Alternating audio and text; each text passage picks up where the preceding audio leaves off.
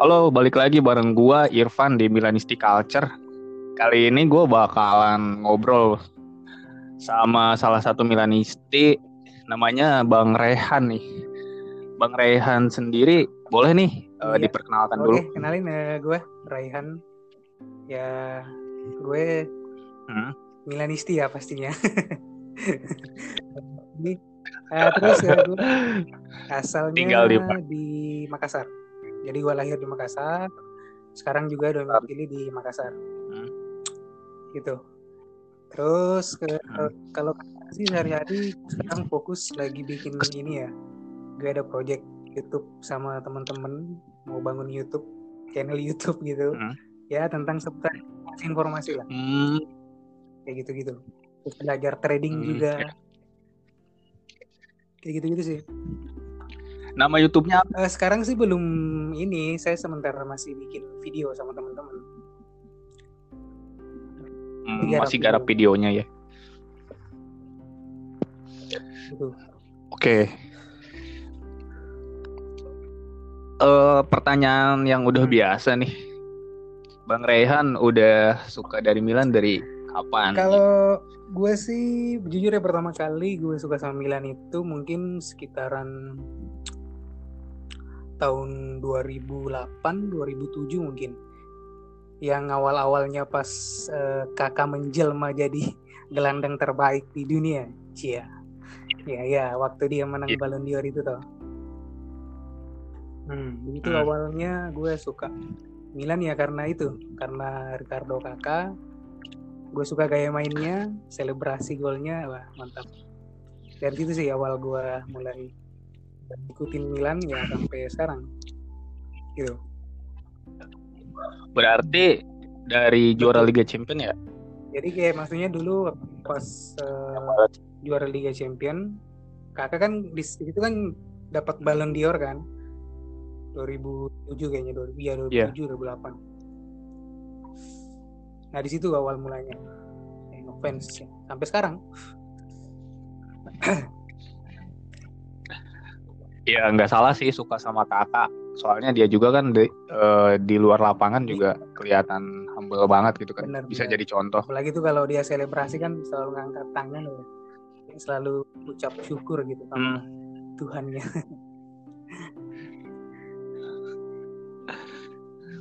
Dan selebrasinya kan di tiru sama Krunic ya. iya iya bener-bener kronik Waktu lawan Chelsea Iya, kan kayak dia gitu. kayak gitu selebrasinya. kronik si kanjeng kesukaan Pioli cuman ya kurang jam terbang aja sih malah yang bikin kesel gue kasih Leho nggak tahu dia mau kayak gimana orangnya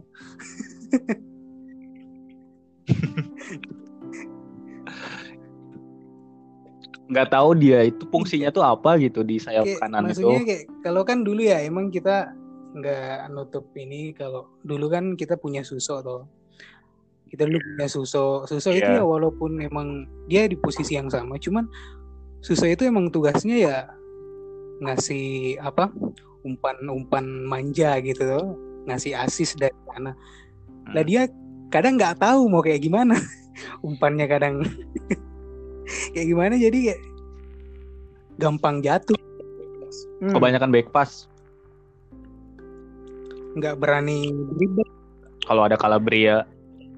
Iya itu bener. Nggak nggak nggak kayak latihan. jadi itu sebenarnya gue sih ngelihat Milan tuh eh, apa ya apalagi kita ngelihat eh, s- se apa semusim ini ya musim 2020 2021 ini eh, menurut gue kayak ketika Milan di apa eh, di press habis-habisan ya udah udah nggak bisa berkembang permainannya. Karena menurut gue itu kekurangan Milan eh, dia cuma ngandelin fullbacknya Theo sama Calabria tuh nah ketika Theo Calabria Iya.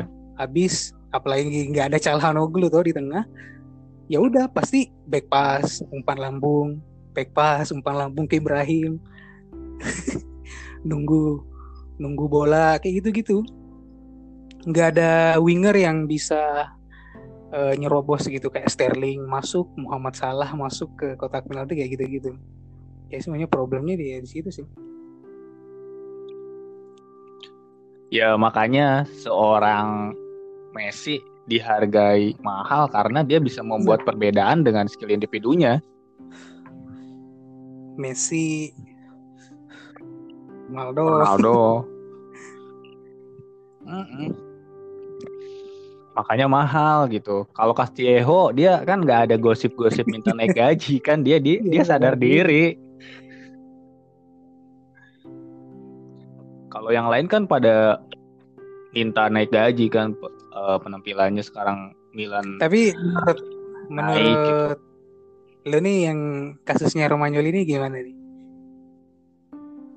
Kalau dari pandangan lu, kasus di lapangan. ya kasus di lapangan sekarang sama dia eh, si abang Rayola itu minta kenaikan gaji terus Hmm. anjir.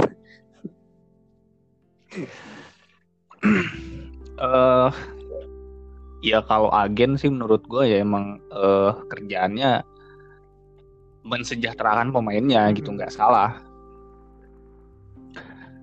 dan eh Romagnoli juga sekarang permainannya kan lagi kurang bagus ya tapi menurut gue sih wajar kalau Romagnoli kurang bagus itu wajar banget karena ya mau Ferdinand, Sergio Ramos, Ronaldo pun pasti pernah ngalamin namanya lagi main jelek gitu. Tapi yang jadi masalah ketika pemain itu jelek, kenapa nggak dicadangin Iya. dulu? Benar-benar. Itu sih menurut gua. eh apa ya maksudnya semenjak habis cedera. Di situ sih titik ininya. Habis cedera Romagnoli kembali kayak nggak kembali ke performanya gitu tuh. Cuman ya itu kalau kita bahas eh, kita balik ke Serie A dulu ya.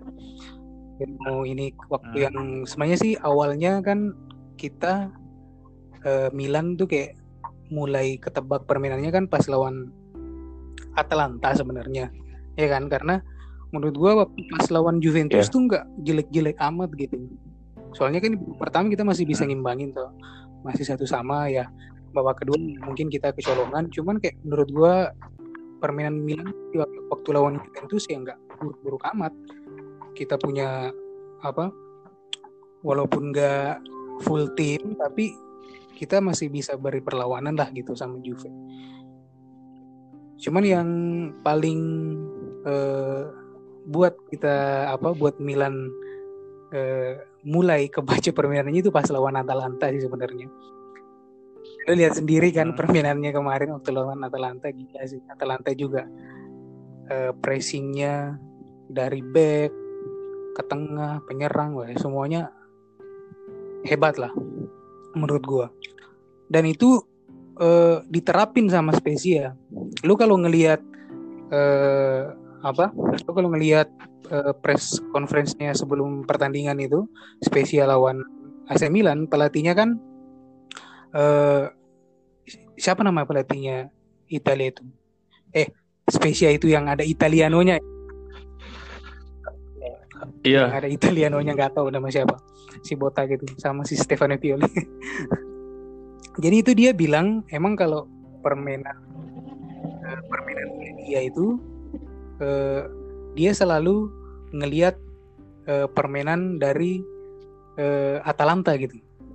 Dia lihat permainan Iya. Atalanta. Taktiknya eh, Gasperini. Dia sangat suka dengan taktiknya Gasperini yang menerap, menerapkan high press gitu. Nah kan waktu lawan Spezia kan kebukti tuh emang Spezia tuh kayak ngepres abis bener-bener. 90 menit nggak ada habisnya gitu. Kayak kayak gue ngelihat Atalanta gitu Tapi nggak aneh sih menurut gua eh, Spezia mainnya kayak gitu soalnya pas di Copa lawan Roma juga dia emang mainnya kayak Iya. gitu sampai Roma tersingkir kan. Ya tapi ya namanya Spezia ya tetap Spezia gitu. Mereka nggak punya pemain yang punya kedalaman sebagus Milan Iya. lah gitu. Jadi kan setelah menghadapi Milan dia dibantai 3-0. Iya, betul. Berarti kan eh stamina-nya udah dihabisin buat pas melawan Benar, Milan gitu. yang penting mah lawan Milan menang habis itu udah bodo amat. Kayak gitu mungkin. Nah, karena kan wajar lah eh ngelawan tim besar pasti dia pengen masuk ke headline berita tuh dengan kabar yang bagus gitu. Naikin nama Spezia juga gitu habis itu selebrasi Maggiore langsung selfie. Wah, mantap. Hmm. dia juga interisti iya, kan interisti banget dia. Ya itu sih sebenarnya masalahnya eh, Milan kemarin itu pas di situ Atalanta terus lawan apa?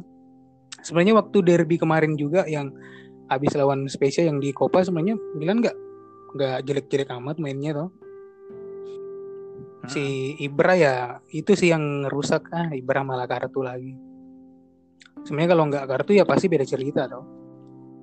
kalau Ibra waktu itu nggak kartu merah mungkin aja kita bisa ke adu penalti gitu.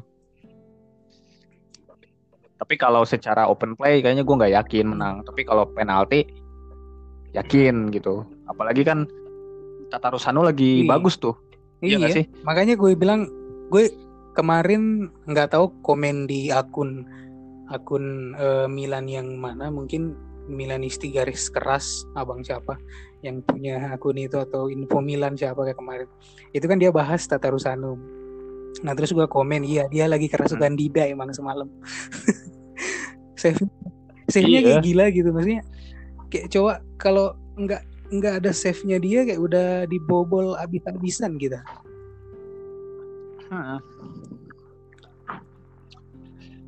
dan mungkin ketika derby kemarin kalau kipernya Tata Rusano dengan penampilan dia di derby jilid Hmm. kedua nggak bakalan 3-0 Iya. sih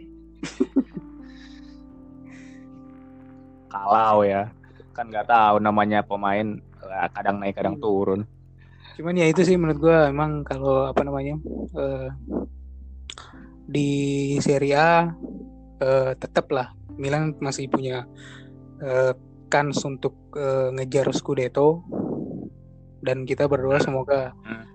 eh, besok apalagi melawan Roma ya wajib menang sih menurut gua karena untuk tapi optimis nggak kalau gue sih jujur 50-50 ya. jujur ya ini gue. Walaupun gue sebagai Milanisti yang eh, apa ya? Karena gue eh, pribadi jujur ya walaupun gue nggak mungkin gue nggak pernah eh, jujur di Makassar gue belum belum masuk di eh, fanbase-nya gitu. Gue eh, gue bisa tanya-tanya eh, cuman gue belum masuk di fanbase gitu jadi member di fanbase-nya khusus di kota Makassar atau mungkin Milanisti Indonesia. Tapi gue nge-support Milan itu kayak kayak tanpa terlihat gitu. Maksudnya kayak contoh Milan live.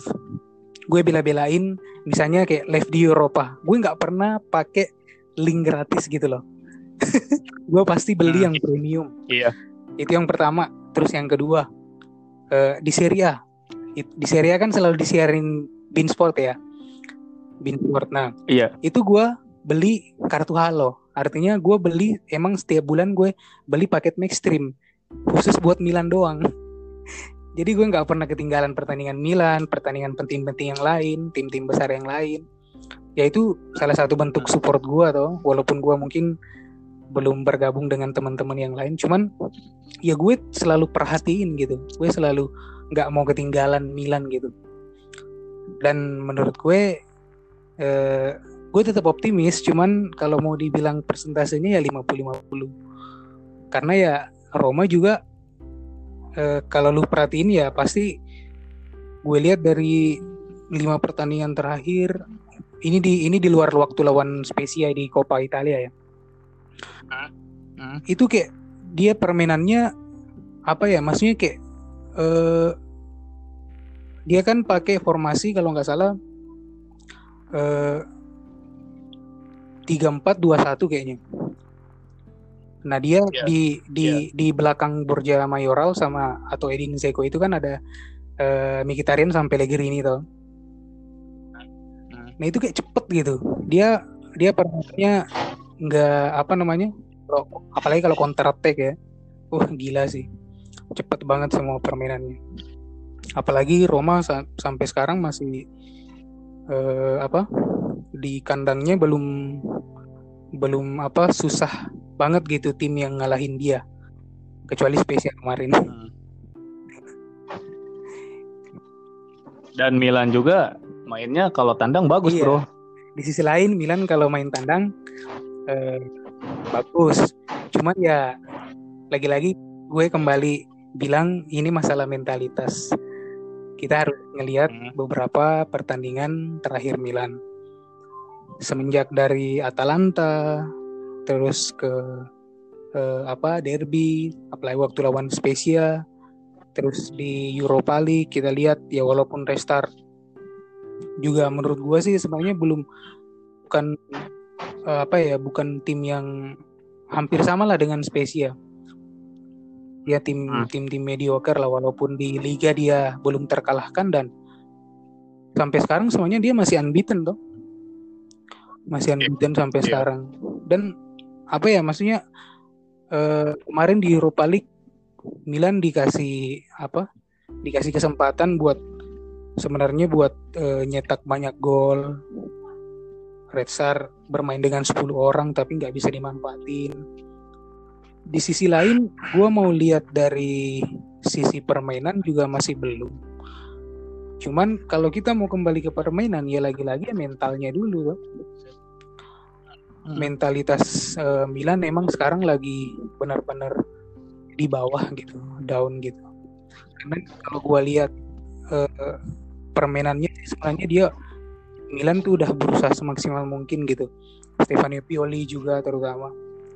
Sebenarnya kan kemarin kita lihat waktu di babak kedua kan semua skuad utama kan dimasukin tuh waktu uh, leg kedua kemarin. Theo dimasukin, Salamakers dimasukin, Ibra dimasukin, Ibra. Rebic dimasukin. Jadi kayak semuanya udah full tim gitu. Minus Kejair sama Benasir gitu. Cuma lagi menurut gue setelah melawan Atalanta benar-benar mental Milan udah down menurut gue ya. E, waktu lawan Juventus masih enak sih gue lihat permainannya. Walaupun dengan notabene dan e, posisi per, pemainnya tuh mas ya nggak nggak full tim gitu. Tapi menurut gue masih enak dilihatnya. Tapi setelah hmm. itu lawan Atalanta Spezia derby dan sebagainya wah, udah. Makanya kemarin waktu di grup itu kan gue bilang e, di sini sebenarnya mental sih yang paling utama. Mentalnya Milan benar-benar harus e, diperbaikin lagi dibangun lagi untuk ke depannya ya jadi kayak gitu. Ya benar sih. Uh, menurut gue juga ini tuh bukan soal Pioli yang miskin taktik atau harus ganti formasi tapi ini tuh hanya masalah mental pemain yang lagi turun gitu soalnya kita pernah berjaya dengan formasi ini iya. kalau misalkan pemain moodnya udah bagus udah bisa uh, ngeluarin kreativitasnya gitu bermain uh, enak gitu di lapangan menikmati menurut gua Milan bakalan balik lagi sih nah. makanya kemarin kan gua bilang gue nggak pernah waktu teman-teman di grup itu kan. Atau mungkin di komen-komen kolom komentar yang ada di uh, apa IG teman-teman uh, fans Milan itu. Gue nggak pernah permasalahin taktiknya gue selalu ini mental bro. Ini mental bro. Karena ya uh, seperti yang bilang tadi itu kita pernah berjaya gitu loh dengan formasi yang seperti ini gue sampai uh -uh. gue sampai nulis panjang-panjang itu kemarin di beberapa akun gue bilang uh, sebagai fans yang cerdas uh, ya walaupun uh, bilang sekarang sedang lagi terpuruk ya maksudnya bukan terpuruk yang kayak gimana uh -huh. akhir-akhir ini lagi juga permainannya ya lagi-lagi kita harus uh, sebagai fans yang cerdas ya harus uh, memberikan support aja lah nggak usah ini bukan karena miskin taktik atau apa atau karena piolinya atau apanya ya karena emang pure. Apalagi ya kalau lu lihat Milan dengan komposisi pemain semenjak tahun lalu dia start uh, apa yang unbeaten dia mulai unbeaten itu Iya. itu kan squadnya kalau kita rata-ratain kan 23 24 tahun. Hmm. ah dari- jadi kan dari situ kan kita bisa belajar oh emang nih pemain Milan emang masih apa ya masih bocah-bocah lah ceritanya. Gua aja gua aja sekarang udah 24 bro. Jadi gua gua langsung mikirnya oh gua aja yang seumuran kayak gini masih kadang moodnya ini kadang ini apalagi kalah. Gua aja yang nonton nonton itu kalau kalah mood gua udah hancur sumpah. Mental gue kayak maksudnya kayak mood gue udah hancur apalagi mereka kan.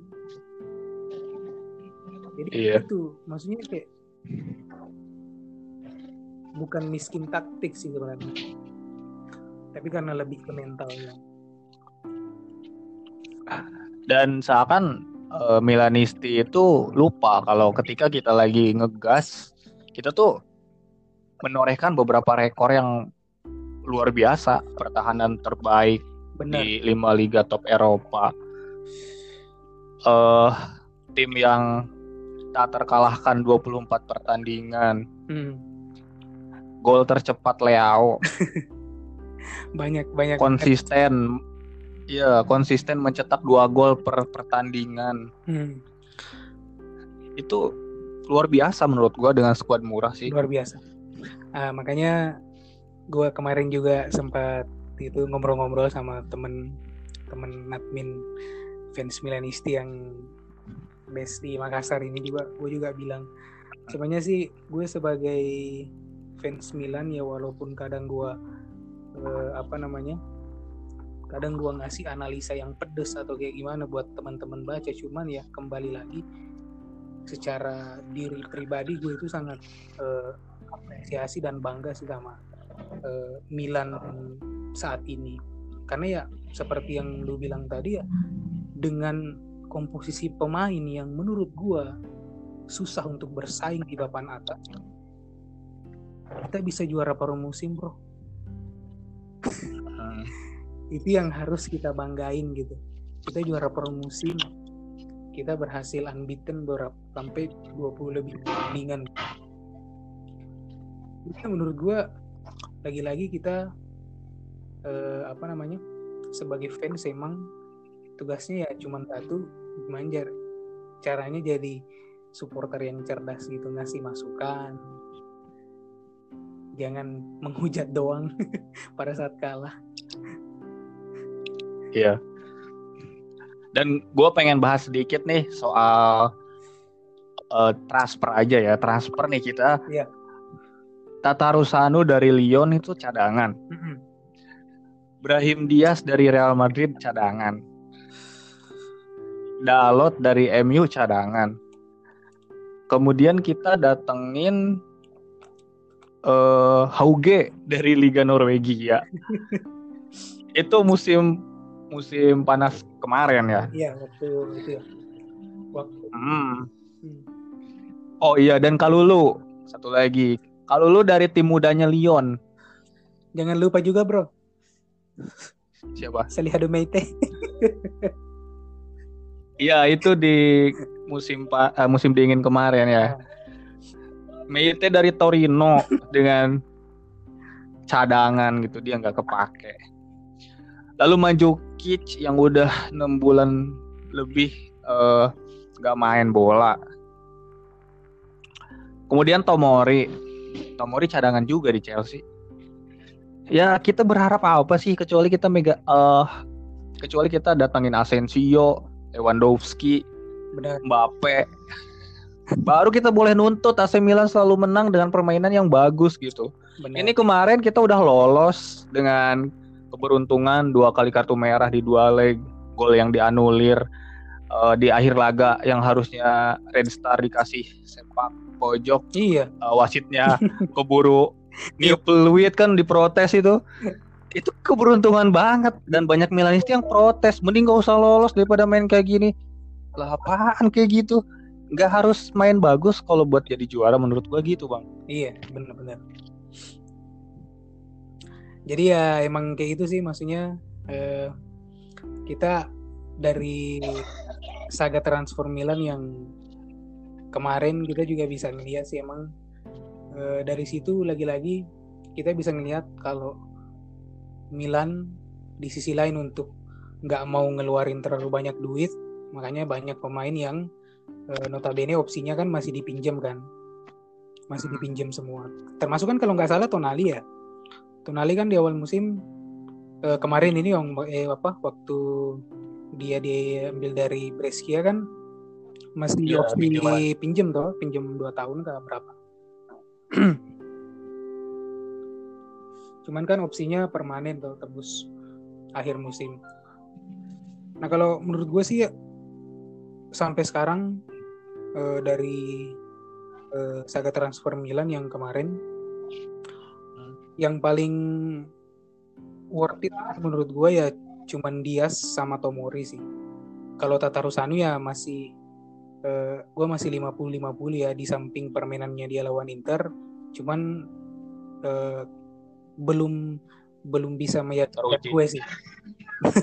Belum bisa meyakinkan gue se eh, apakah bisa eh, kalau seterusnya kayak gitu. Nah cuman kalau gue ngelihatnya dari Brahim Diaz Brahim Diaz eh, Tomori. Itu gue eh, yakin sih maksudnya dari eh, segi permainan mungkin dari apa semangatnya dia bermain kayak maksudnya gue yakin sih pemain ini kalau misalnya Milan mau eh, berinvestasi mau ngambil keputusan yang jeli gitu. Berani. Iya berani. Menurut gue Tomori Diaz layak dipermanenkan gitu. Apalagi usianya masih muda-muda tuh. Hmm. agak mahal sih. Ya kalau Tomori ya mungkin agak mahal. Cuman kan kembali lagi ke ininya ya. Apa ke gimana Manajemen. caranya manajemen Milan ngelobi Tomori gitu. Hmm. ya sama waktu ngambil Theo Theo kan sebenarnya dari kejelian Maldini. Kejelian Maldini gimana ngelihat dia? Sebenarnya Theo udah gua lihat sih waktu dia di Real Sociedad kalau nggak salah ya. Iya pernah. Dia di Real Sociedad udah gue perhatiin sih pas di Madrid gue lihat. Nah terus dia gue baru ngeh ternyata dia itu saudara Lucas Hernandez gitu yang di Iya. gue baru ngeh oh ternyata dia saudara malah sekarang yang lebih nonjol tuh si Theo daripada Lucas tapi belum dipanggil timnas. Iya makanya dia selebrasi kayak gitu. Hmm. dan sekarang kita tahu kenapa timnas Prancis gak manggil dia tuh kenapa. Iya sih. Eh ya kayak gitu sih maksudnya. Apa ya kalau gue sih eh, dari awal emang oh ini juga gue mau bilang eh, gue mungkin mau sampein ke eh, teman-teman saudara-saudara gue Milanisti se Hmm. ya mungkin.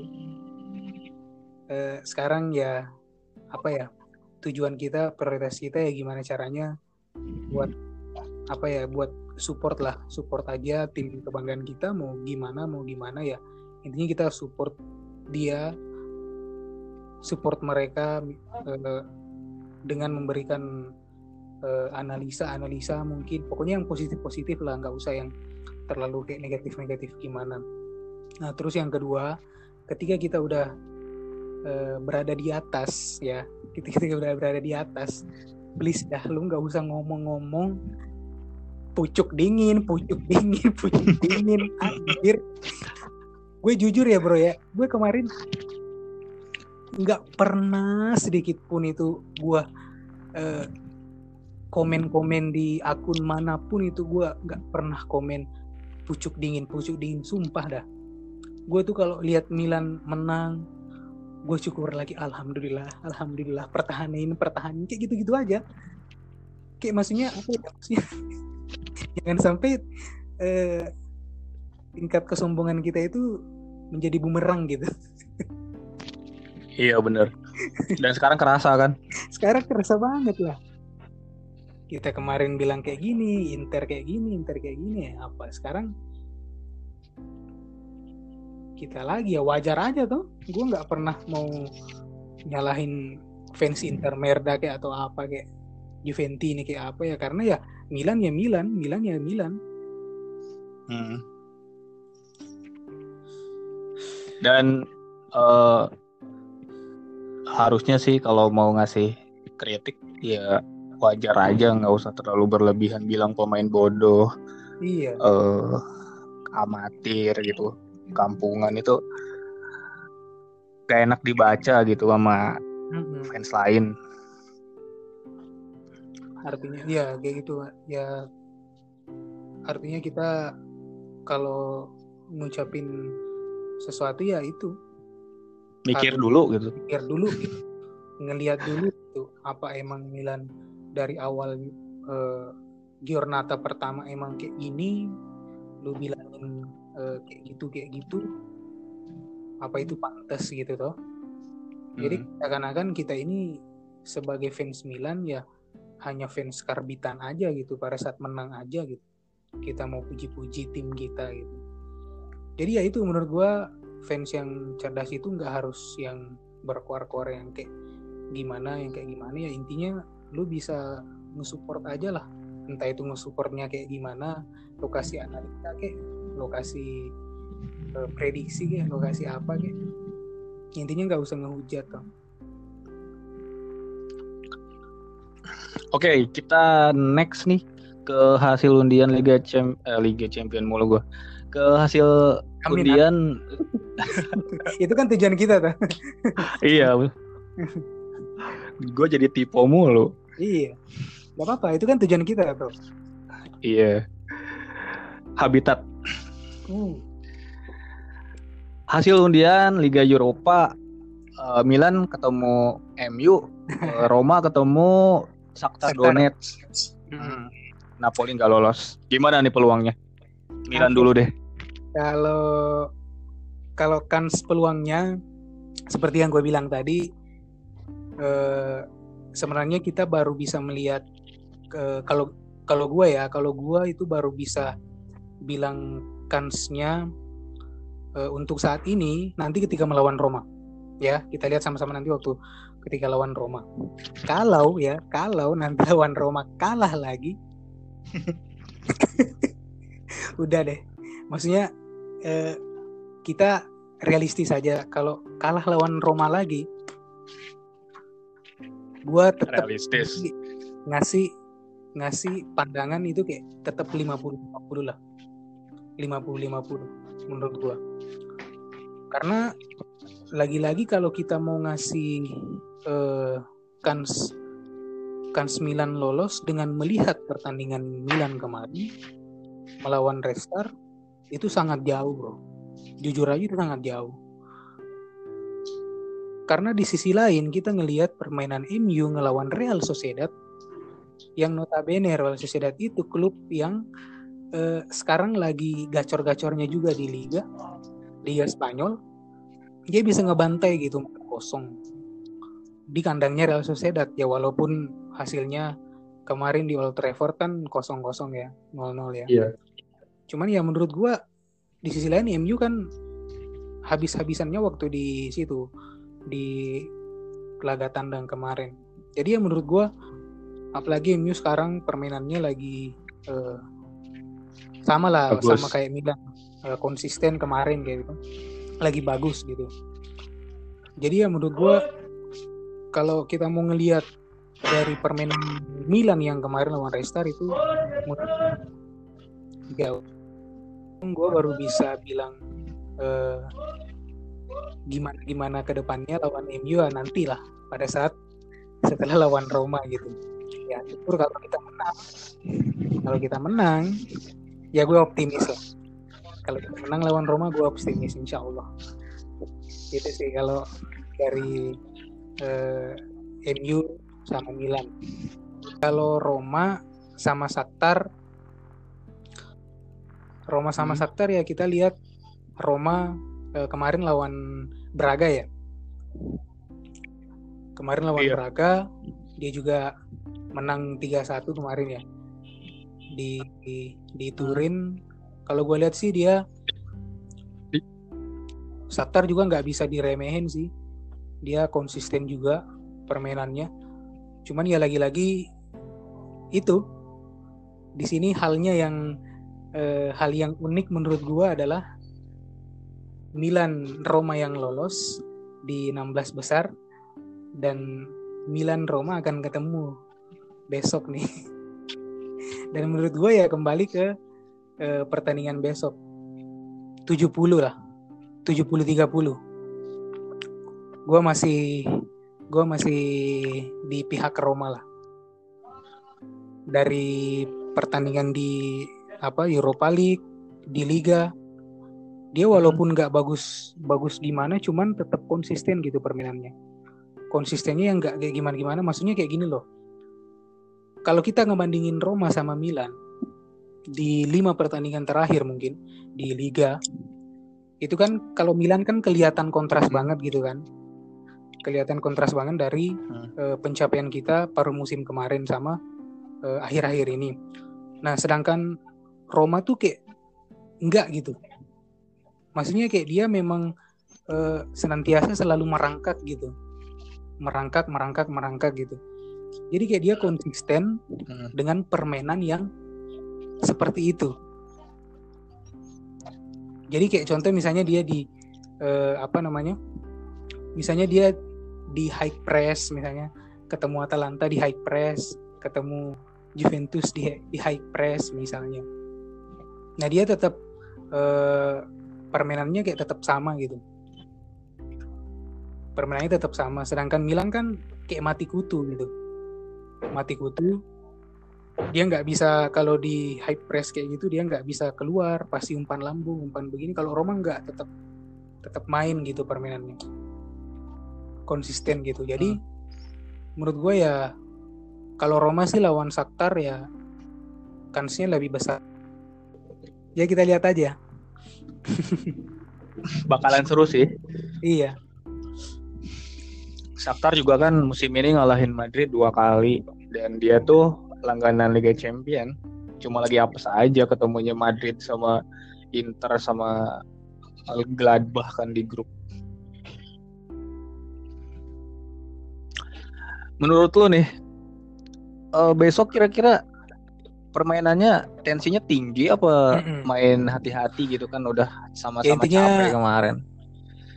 Kita harus apa ya maksudnya eh, ngelihat besok gimana. Kita doain aja ya Milan bisa ngamanin tiga poin. Ngelihat besok aja gimana eh, hasil dari Milan sama Roma. Kalau menurut gua eh, Milan kalau mau ngembaliin betul-betul mentalnya ya tangannya besok sih lawan Roma. Pokoknya udah udah udah nggak ada alasan lagi gitu mau dia bilang eh, apa yang dibilang Meite kemarin itu waktu diwawancarai kita katanya eh, Hmm. eh, memang capek gitu karena meng- eh, menghadapi pertandingan dalam tiga hari sekali itu nggak mudah nggak mudah ya itu nggak bisa dijadiin alasan kalau lawan Roma besok coy. Karena lu sama-sama main di Eropa tuh lu sama-sama main di Eropa ya Iya. jadi lu sama-sama capek. Jadi kita lihat aja. Cuman ya kalau Milan berhasil menang lagi-lagi ya gue bisa bilang Milan bakal berbicara banyak di Eropa dan terkhususnya di Serie A. Itu bisa ngebangkitin mentalnya lagi gitu AC Milan bisa ngejar atau masih bergantung sama hasil tim lain? Kalau gue sih eh, melihat permainan kemarin, kalau kansnya itu menurut gue jika permainan Milan masih seperti kemarin, dia nggak bisa ngerubah ke sampai pertandingan berikutnya lawan Roma atau mungkin tiga pertandingan setelah Roma itu menurut gua kans untuk Scudetto sih udah, kalau menurut gua. Apalagi ya misalnya uh, Inter Inter kan lawan Genoa kan? Inter lawan Genoa di San Siro dan lawan Roma. Iya. nah kita ngambil uh, hal terburuknya aja lah misalnya. Kita nggak kita ambil hal terburuk. Misalnya Milan kalah nih sama Roma terus Inter menang lawan Genoa. Artinya kan udah selisih 7 poin. Nah selisih 7 poin ini bro menurut yeah. gua itu dengan keadaan mental yang lagi down dengan keadaan uh, gap poin yang seperti itu 7 poin menurut gue itu sulit. Menurut gue ya. Jadi untuk Scudetto menurut gue kan sih udah nggak ada.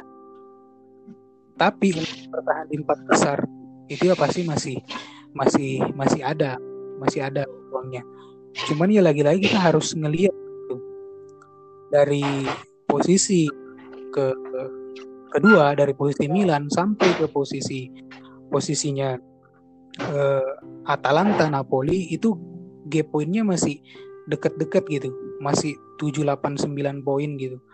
Jadi kayak makanya kemarin gue sempat bilang di grup juga di eh, komen-komen gitu juga kalau mental nggak bisa kita perbaikin jangan harap kita mau uh, masuk di zona empat besar apalagi ngeharapin Scudetto. Karena ya lagi-lagi kita harus ngelihat uh, jarak poinnya gitu gap poinnya gitu. Itu deket banget gitu. Sekarang Atalanta udah ngejar Lazio pun sama. Roma sekarang eh, kita kan udah eh, selisih empat poin ya sama Roma. Nah, jadi kalau iya. misalnya yeah. kita dikalah misalnya besok udah satu poin lagi. Jadi kan kayak gitu. Jadi sini sih sebenarnya eh, gimana caranya Milan harus ngatasin ini sih mentalnya dulu. Pokoknya makanya gue bilang lawan Roma itu wajib sih menurut gue wajib menang sih. Udah harga mati lah menurut gue kalau di situ kita kepleset lagi ya udah realistis aja lah bro ya uh, kalau menurut lu nih sebagai mm-hmm. uh, Milanisti ya Milanisti secara luas gitu kan ada ada beberapa mm-hmm. macam akun Milan nih ada yang kalem aja gitu ada yang cuma nyampein berita gitu ada yang uh, ada yang hmm. ofensif gitu kayak itu nah lu melihatnya seperti apa sih kalau gue sih sebagai uh, Milanisti.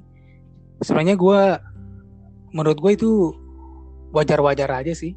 Lumrah-lumrah aja menurut gue karena uh, hmm. gue kan tipe orang yang nggak uh, nggak yang kayak gimana gimana ya. Maksudnya gue ngikutin semua lah. Pokoknya semua yang ber, berkaitan dengan mau dia slow kayak mau dia keras kayak ofensif kayak mau dia kayak gimana.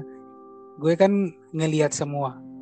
Ya intinya intinya menurut gue selama di uh, akunnya atau mungkin uh, di postingannya itu ya mungkin kadang uh, terlalu kasar atau mungkin terlalu uh, ad, ada tuh juga yang akun akun Frontal. ada tuh juga yang akun yang kalau post posting ya mung, mungkin ya posting udah misalnya kayak hasil hasilnya aja. Komentar lu guys. Udah gitu aja. Nah ada kan ada tuh juga kayak gitu. Hmm. nah ada juga yang kayak gitu. Ada juga yang memberikan analisis analisis ya menurut gue sih uh, semuanya gua gua suka sih. Cuman yang paling uh, gua minatin itu ketika ada akun yang contoh nih dia bahas uh, pertandingan uh, hasilnya mungkin. Hasilnya misalnya uh, Milan Roma hmm. full time-nya 2-0 nah dia bahas tuh. Dia bahas menurut menurut dia uh, analisis babak pertama tuh seperti ini analisis, analisis babak kedua tuh kayak gini. Jadi jadi gue seneng gitu bacanya. Oh iya benar-benar oh iya benar-benar benar-benar nah menurut dan menurut gue ketika ketika uh, orang atau misalnya lu nih ya Milanisti Walter nih misalnya misalnya lu uh, ngasih ngasih penjelasan gitu. Misalnya pertandingan Milan Roma tuh kayak gini. Nah, hmm. kita itu sebagai pembaca pasti bilang, "Oh, berarti emang ini orang benar-benar memerhatikan pertandingan gitu." Paham nggak? Maksudnya kayak benar-benar memperhatikan dari menit hmm. pertamanya sampai terakhir. Lu lu benar-benar hmm. memperhatikan Milan gitu. Bukan yang hanya misalnya nih ya. Misalnya kan kita nggak menutup kemungkinan kan, Bro. Ada juga akun-akun ya. Ya intinya kita dapat uh, betul score. Yang jelasnya kita dapat uh, viewers aja lah, kita dapat ini aja lah, likers aja lah yang pokoknya jadi aja lah kayak gitu. Nah menurut gua hal yang uh, perlu dijelaskan kepada supporter atau fans yang menurut pandangan gua sebagai Milanisti yaitu ketika satu pertandingan itu lu kupas tuntas lah di situ. Menurut uh, opini lo. Nah, di situ kan di kolom komentar kita bisa saling bertukar uh, opini. bertukar opini. Opini. Makanya jadi apa ya? Maksudnya kayak jadi masukan terus gitu toh. Kayak gitu-gitu sih menurut gua. Oke. Okay. Iya, Terakhir nih, Bang uh, pesan-pesan lu buat para Milanisti? Oke, okay, uh, eh, kalau dari gua sih intinya kita sebagai Milanisti ya, uh, ini udah bilang tadi sebelumnya sih gue cuman ngulang lagi. Intinya kita sebagai Milanisti di mana pun kita berada, uh, tugas kita ya cuman satu sih sebenarnya. Kita cuman bisa mensupport itu aja sih kata kuncinya kalau lu udah tanemin tanemin di diri lu kalau lu emang uh, entah itu uh, nama lu Milanisti apa lah Milanisti apa. Intinya dalam diri lo harus lu tanemin bahwa gue itu emang uh, pure atau tulus gitu mensupport klub gue Milan gitu. Karena kalau lu udah tanemin itu menurut gue udah nggak ada lagi rasa yang berlebihan gitu. Kayak contoh menang nggak terkingga nggak terlalu berlebihan. Kita seri kita kalah nggak terlalu berlebihan. Karena apa? Karena niat kita dari awal emang mensupport gitu. Mensupport. Nah mensupportnya juga eh, kita kembaliin ke diri kita masing-masing gitu. Lu mensupportnya kayak gimana? Kayak gimana kayak gimana? Ya kalau gue kan gue hmm. udah jelasin tadi gue itu eh, pasti nggak pernah ketinggalan eh, pertandingan Milan sekalipun itu cuma persahabatan gue rela bayar premium apalah sebagainya platform dan sebagainya untuk bisa nikmatin dengan kualitas yang menurut gue menyenangkan memuaskan. Jadi kayak gitu. Intinya kita sebagai Milanisi harus bisa menanamkan diri bahwa tugas kita cuma satu sih mensupport. Ingat ya mensupport bukan menghujat. Itu aja sih dari gue Ya. Jadi buat para Milanisti kesimpulannya uh, ketika kalian sudah memutuskan untuk uh, mencintai AC Milan gitu suka sama Milan ya jadilah fans yang tidak terlalu berlebihan gitu. Ketika kita menang ya udah gitu biasa aja. Ketika kita kalah juga ya nggak usah terlalu gimana gitu ke pemain ke pelatih karena kita hanya Betul. penikmat aja gitu kita nggak tahu keadaan AC Milan di Italia itu seperti apa gitu. Karena yang kita lihat kan hanya 90 menit aja. Oke deh Bang Rehan terima kasih udah nyempetin waktunya udah ngobrol-ngobrol di podcast gua. Oh, sehat sering-sering aja bro kita ngobrol.